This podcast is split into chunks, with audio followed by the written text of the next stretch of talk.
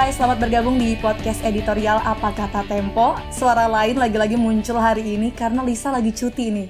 Jadi episode kali ini bakal ditemenin pemain cadangan dulu alias aku Rosa Shaula Tapi yang nemenin aku kali ini bukan pemain cadangan kok. Uh, Dia tetap aktor utama Apa Kata Tempo alias Uda Setriasa. Halo Uda. Halo, pengantar Rosa sudah seperti apa menonton pengumuman Piala Citra jadi pemain cadangan dan sepak bola, aktor aktor utama. Oke, pemain cadangan tapi udah tetap uh, aktor utama tuh kayaknya udah nggak boleh libur deh kalau dia apa kata Tempo. iya. Oke, udah. Uh, ini weekend lalu kayaknya redaksi Tempo hektik banget ya. Aku lihat jam 10 malam nih rame gitu grup. Website tempo.co down setelah memberitakan penahanan Verdi Sambo. Gimana tuh udah ceritanya? Iya, jadi uh, malam minggu itu adalah uh, hari paling genting dalam hidup kami. Waduh. Seluruh wartawan majalah Tempo. Jadi kita punya tiga outlet Tempo.co, Koran Tempo, majalah Tempo. Dan malam minggu adalah masa-masa penentuan karena di sana deadline. Mm-hmm. Majalah kita uh, akan terbit minggu pagi digital, kemudian Senin pagi cetak. Hmm. Nah, kita sudah membuat sebuah liputan panjang yang sudah kita sudah rancang sejak Jumat sebelumnya. Jadi satu pekan sebelumnya kita sudah merancang ya cerita di balik kasus uh, pembunuhan di rumah kepala divisi profesi dan pengamanan Inspektur Jenderal uh, Verdi Sambo. Uh, dilala di ujung kita dapat kabar baru ada update Ferdi Sambo ditahan. Waduh, ini ini betul-betul pontang panting. Hmm. Jadi uh, saya saya jadi pemimpin redaksi uh, Tempo itu satu tahun nih pas nih Juli ini. Juli satu tahun inilah paling berat rasanya karena terjadi di di di ujung gitu. Aduh, bagaimana nih? Cover sudah jadi, banner pun sudah jadi, tinggal kita tekan, kita kirim ke percetakan. Teman-teman ya seperti biasa kita sudah biasa bekerja di detik-detik terakhir dan kita split langsung. Uh, Oke, okay, kita gali lagi informasinya bagaimana kita bunyikan info ini. Sambil itu karena kita redaksi kita itu satu sebetulnya karena saya sebelum uh, di majalah Tempo adalah pemimpin redaksi Tempo.co. Nah, kita berkoordinasi sama teman Tempo.co. Ayo dong, ini dinaikkan beritanya. Udah kita verifikasi benar. Oke, keluarlah di tempo.co. Ya, tiba-tiba keluar traffic langsung naik, duduk duduk duduk duk naik ke ya tinggi untuk ukuran tengah malam itu. Hmm. Tiba-tiba hilang down. Aduh, ketawa saya. Oh, ini memang udah udah terjadi lagi. Kita sudah kenyang lah kita dikerjain begini ya. Tiba-tiba hilang nggak bisa diakses. Seluruh orang di grup kenapa website tempo.co hilang? Ya nggak tahu, kita jawab kita tahu karena pada saat bersamaan tim IT Tempo itu bekerja bagaimana mengecek segala macam. Nah, ya itu yang terjadi. Jadi kegentingan kita double jadinya. Satu genting karena deadline, genting karena perubahan uh, mendadak di ujung, dan yang ketiga genting menjawab pertanyaan orang. Kenapa kenapa uh, hilang website tempo.co? siapa yang hack. Nah, itu kita menjawab itu juga lelah sampai jam 2 dini hari itu aja kerja kita menjawab. Waduh, berapa ya. jam itu udah dari jam 10 ya. Jadi uh, otomatis tidak bisa diaksesnya itu sekitar satu jam itu Rosa, satu jam uh, dan belakangan kita tahu bukan hanya tempo.co, ada beberapa uh, situs berita lain juga kena. Tapi bedanya mungkin yang lain itu kita itu menjadi target karena kita yang paling pertama. Oke, okay, eksklusif. Kita lah yang paling eksklusif membuat berita bahwa Verdi Sambo ditangkap dan ditahan waktu itu ya, ditahan dibawa dari Bareskrim ke Mako Brimob.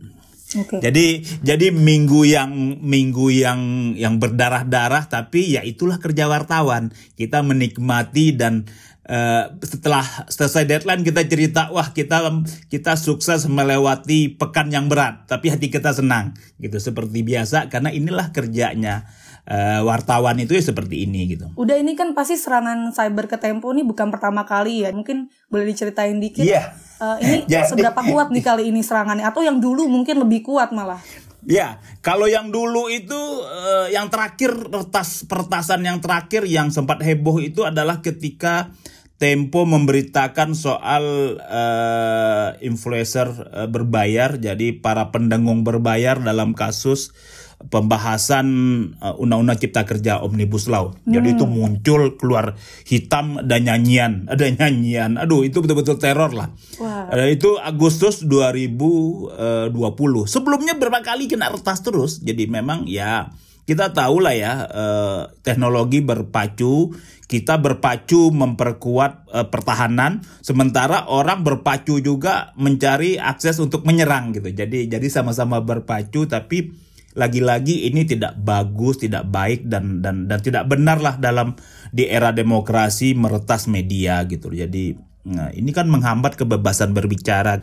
Jadi yang kejadian itu ketika saya 2000 eh 2020 Agustus 2020 itu kita membuat laporan. Saya dan eh, Pemret Tirto ID, Mas Sabto Nugroho, eh, Sabto Bino Nugroho yang sekarang di Dewan Pers membuat laporan ke Polda Metro. Alhamdulillah tidak ada hasilnya.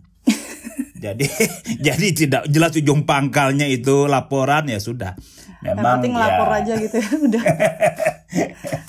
jadi jadi solusinya memang kita bawa-bawa bercanda aja nih, Ros. Oke. Aduh, udah biasa deh. Oke, udah pekan ini kan kita ngobrolin soal perkembangan kasus kematian Brigadir Yosua gitu. Sekarang kasusnya udah bukan lagi insiden tembak menembak, tapi sudah bergerak ke dugaan pembunuhan dan terbukti juga sudah ada tersangkanya. Sejumlah polisi yang menangani kasus ini juga udah diberikan sanksi etik gitu ya. Ada yang dicopot dari jabatannya, ada yang dimutasi juga, termasuk tiga jenderal gitu. Plotnya berubah ketika Barada Eliezer uh, mengubah kesaksiannya dan akhirnya menyeret Ferdi Sambo. Kalau teman-teman redaksi Tempo udah dari awal udah menduga nggak ada plot ini Hmm. gitu?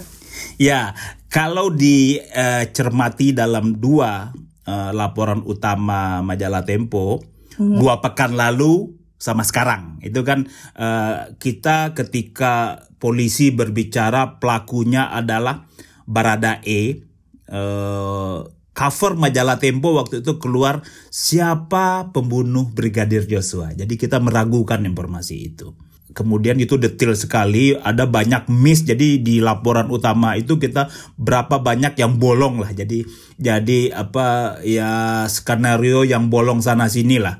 Jadi argumentasinya lemah. Inilah kita bertanya siapa eh, pembunuh brigadir Joshua?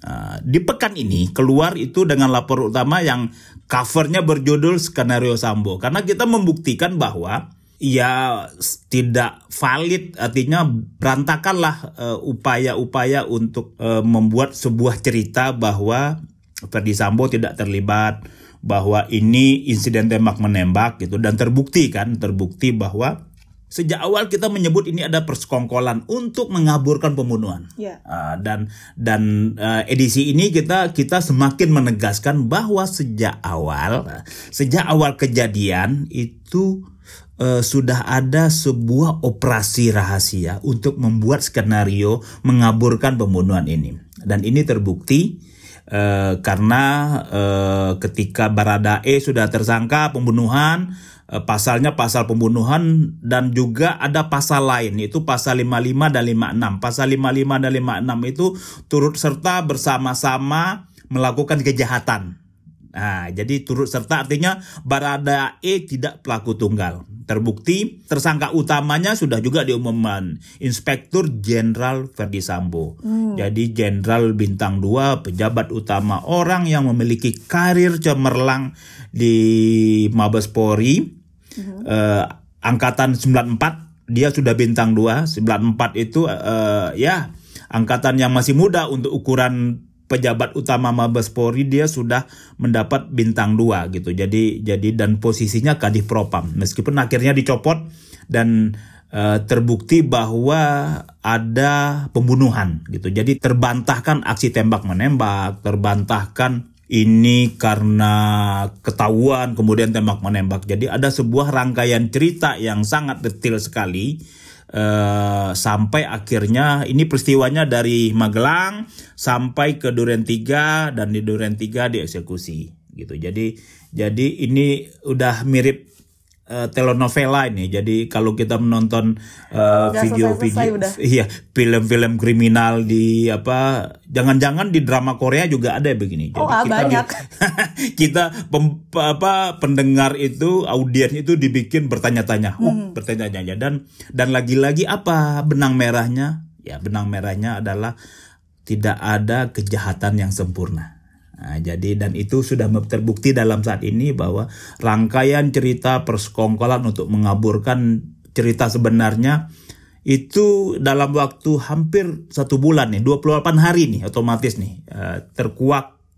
Dan dan kita akan tunggu seperti apa ujungnya nanti dari polisi. Kemudian ada lagi anggota polisi yang sudah dinonaktifkan itu apakah akan diproses hukum juga atau eh, hanya menjalani persidangan kode etik karena mereka ini dalam dua kejadian yang berbeda. Barada E kemudian eh, Brigadir Ricky sama drivernya istrinya Ferdi Sambo dan Ferdi Sambo itu adalah peristiwa pembunuhan. Oke.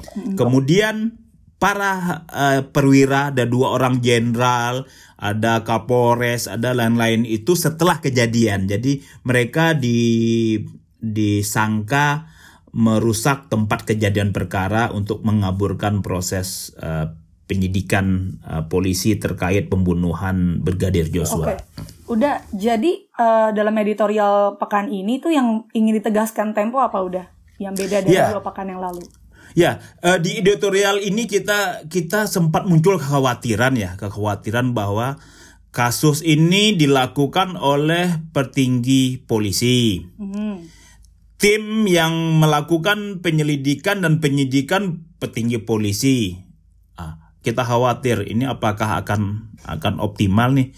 Jangan-jangan jeruk makan jeruk nanti manis juga hasilnya gitu. Jadi ternyata itu dibalas lah, dibalas dengan langkah berani rasanya Kapolri mengambil keputusan yang benar lah dengan meminta seluruh proses penyidikan yang dilakukan oleh tim khusus yang berisi Jenderal Bintang 3 Mabes Polri eh, dan para eh, PJU ada asisten SDM ya. Tegak lurus tegak lurus bahwa ya ungkap yang fakta sebenarnya. Dan dengan keputusan eh, mengumumkan tersangka eh, pelaku dalam pembunuhan ini yang juga pe- pejabat utamanya ini sudah sudah on the track lah sudah. Jadi harus kita kita harus fair juga bahwa kita harus apresiasi bahwa petinggi Mabes Polri lah menjawab keraguan publik keraguan aduh ini jangan-jangan hilang di tengah jalan nih kasus. Tapi ternyata tidak tuntas. Tinggal berikutnya adalah bagaimana ini kemudian dilimpahkan ke kejaksaan kemudian menjalani proses persidangan di pengadilan sampai vonis dan ingkrah nanti di ujungnya. Udah berarti kelihatan ya bedanya kinerja tim penyidik yang awal sama tim penyidik yang diterjunkan Kapolri. Ya, dari yang awal itu kan penyidik yang dari Polda Metro. Hmm. Jadi itu sederhana itu muncul keraguan eh, publik. Ini terjadi di rumah Jenderal Bintang 2. Mm-mm. Eh, Kapolda Metro Jenderal Bintang 2 gitu. Bagaimana Jenderal Bintang 2 dengan jajarannya memeriksa Jenderal Bintang 2 juga. Jadi jadi ini betul-betul lah, betul-betul sudah salah langkah dari awal lah ya. Meskipun kemudian di- dikoreksi dengan membentuk tim khusus. Jadi terbukti memang juga ah, nih kalau kita lihat apa yang dilakukan oleh Komnas HAM, apa yang dilakukan oleh Kompolnas, Mm-mm. Aduh, kita ini juga bikin miris ya. E, mereka yang seharusnya me- memeriksa, meneliti kejadian sebenarnya, Iya. kemudian menyampaikan apa yang sebenarnya terjadi ke publik, ini sudah seperti eh, menjadi pembela orang yang dituduh gitu loh. Kok menjadi pembenar? Ini ini kan seharusnya mereka bekerja independen. Iya. Komnas HAM, Kompolnas itu Kompolnas itu posisinya sebagai pengawas polisi sebetulnya. Bukan mengambil posisi sebagai betul ini betul. Belum juga bekerja, belum juga sampai ke sebuah proses yang lengkap melakukan penelitian, penyelidikan gitu sampai ke sebuah kesimpulan tapi sudah membanjiri publik dengan statement-statement bahwa iya ini ada pelecehan, bahwa ini betul tembak menembak gitu. Jadi ini ini kabar suram lah ya. Sisi lain eh, polisi yang kita ragukan tidak optimal ternyata optimal. Sementara lembaga-lembaga yang kita harapkan optimal ternyata tidak optimal gitu. Jadi penembakan Brigadir Joshua ini menimbulkan banyak ironi lah dan ini kabar buruk menurut saya. Jadi pembenahan di dua organisasi eh, Komnas HAM sebagai Komisi Nasional Pengawas Hak Azazi loh. Jadi ini bukan lembaga sembarangan, lembaga yang dibentuk atas nama undang-undang. Juga Kompolnas dibentuk juga atas undang-undang. Belum secara benar menjalankan tugasnya. Ferdi Sambo kan udah tersangka udah, tapi cukup lama juga ya udah baru ditetapkan. Jadi udah sebenarnya siapa sih Ferdi Sambo ini? Uh. Power apa yang dia miliki gitu sampai bisa menutupi kasus ini? Ferdi Sambo sudah jelas lah bintang 2 dan kepala divisi profesi dan pengamanan Mabes Polri.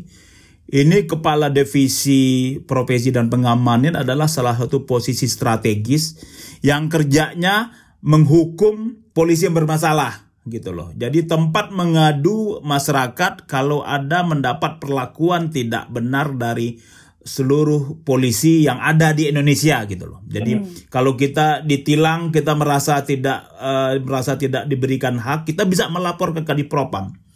eh, ke divisi profesi dan pengamanan. Ferdi Sambo ada di sana. Jadi posisi yang sangat sentral dan strategis. Sisi lain dari sisi karir, ini jenderal polisi yang moncer 94, jadi angkatannya masih muda. Kapolri 91 loh. Wakapolri itu 88. Jadi masih jauh dia berada pada posisi yang sangat strategis. Dia selalu berkibar ini eh, di tiga periode Kapolri. Kapolri di era Pak Tito Karnavian, di era Idam Ajis dan di era eh, Kapolri sekarang Listio Sigit Prabowo. Jadi ini betul-betul betul-betul tulang punggung ini. Jadi orang yang mendapat mendapat tempat yang baik gitu. Jadi ekspektasi orang wah ini tangan kanan nih jangan-jangan jangan-jangan gitu. Jadi jadi publik dibiarkan bertanya-tanya berspekulasi. Kenapa? Karena prosesnya bermasalah gitu loh. Proses yang dilakukan oleh Polda Metro bermasalah. Proses Kompolnas, Komnas HAM saya tidak ingin bilang bermasalah ya, tapi eh, terlalu langsung ambil posisi gitu loh, ambil posisi yang seharusnya tidak boleh dilakukan. Dia itu bekerja dalam diam, senyap, kemudian sampai pada sebuah kesimpulan. Ini bekerjanya baru mulai, kemudian sampai pada kesimpulan yang sama dengan skenario yang diucapkan, disampaikan oleh polisi sebelumnya, yang kemudian dianulir dengan kehadiran tim khusus ini gitu. Jadi, jadi ekspektasi yang tinggi inilah yang kemudian, apalagi presiden dua kali lo ngomong. Presiden Joko Widodo itu adalah panglima tertinggi TNI dan Polri. Jadi bintang 5 itu. Eh, kalau presidennya aja ngomong dua kali, terus yang bawahnya nggak serius kan nggak masuk, nggak benar juga gitu. Tapi alhamdulillah lah, ini sudah sudah sesuai rel, berjalan dengan sebagaimana mestinya, Eh, tegak lurus. Eh, yang salah harus dibuka eh, sanksi, ya harus dibuka seterang menerang. Yang tidak salah ya harus direhabilitasi gitu. Oke, udah tadi nyambung sedikit soal Komnas HAM dan Kompolnas tim penyidiknya gitu. Eh, tadi udah bilang seolah-olah belain Sambo gitu. Tapi ternyata kasusnya jadi pembunuhan gitu kan. Nah, eh, apakah mereka perlu evaluasi juga gitu? Apakah Iya, mereka perlu iya. diperiksa juga malah? ya minimal nggak tahu seperti apa kode etik di mereka itu ya. Jadi Komnas HAM lembaga independen, Kompolnas lembaga independen. Mereka punya aturan sendiri. Mereka yang seharusnya bekerja memberi opini kedua atas temuan polisi. Kenapa harus diberi eh, opini kedua atas temuan polisi? Karena yang disidik itu polisi juga gitu. Polisi menyidik polisi harus ada opini kedua, second opinion. Melihat ini benar nggak penyidikannya. Nah, mereka seharusnya bekerja dalam senyap, tertib, kemudian sampai kesimpulan. Nggak masalah juga kalau nanti temuannya sudah sesuai gitu. Tapi kalau kalau belum bekerja saja, baru dapat data se sekeping dua keping, terus langsung pada kesimpulan bahwa ini sesuai dengan skenario yang awal, yang kemudian ternyata salah di terakhir ini. Kita nggak tahu, kita mau bilang apa? Ini soal kredibilitas loh kredibilitas sebuah lembaga yang berdiri atas nama undang-undang. Eh, mungkin mereka punya mekanisme sendiri lah ya, mekanisme sendiri. Tapi yang pasti publik sudah menghukum pasti ya.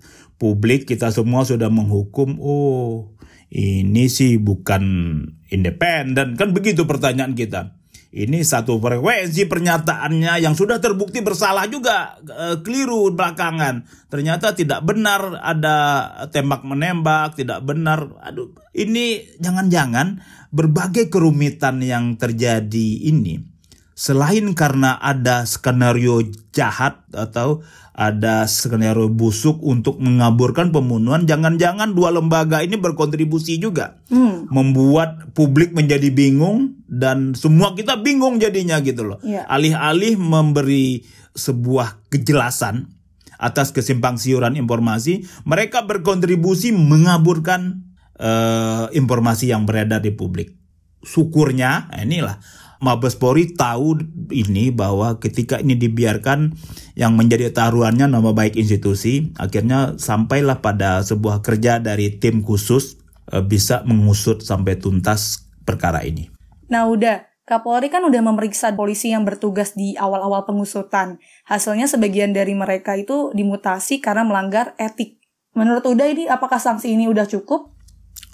Ya uh, tentu ya ya karena uh, biarkan prosesnya prosesnya berjalan di internal Mabes Polri karena kan mereka kan dianggap sanksinya kode etik nih. Apakah kemudian ditemukan pidana?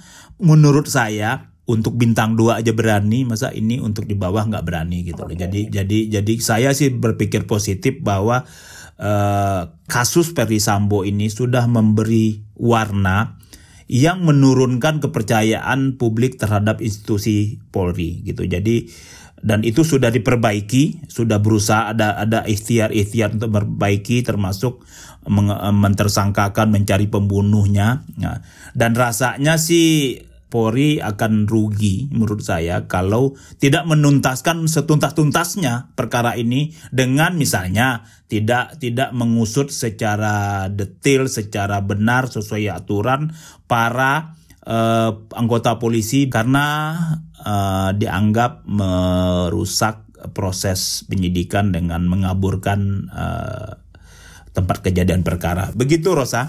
Oke. Okay. Oke, semoga cepat selesai kasus ini, cepat semakin jelas lagi ke depannya gimana. Demikian dulu apa kata Tempo pekan ini. Jangan lupa baca juga laporan-laporan eksklusif Tempo lewat website majalah.tempo.co, koran.tempo.co, atau mungkin di aplikasi Tempo juga bisa. Dengan berlangganan berarti kamu juga mendukung para jurnalis Tempo dan juga udah setri untuk terus menghasilkan karya-karya jurnalistik berkualitas dan independen lainnya biaya langganannya murah banget, mulai dari Rp58.000 per bulan. Ini cuma seharga satu kali tiket ke bioskop lah ya kalau aku atau enggak minuman kekinian gitu. Yeah. Oke. Okay. Terima kasih udah. Terima, Terima kasih Rosa. Kalian yang dengerin podcast sampai akhir, jangan lupa dengerin lagi pekan depan ya. Dadah.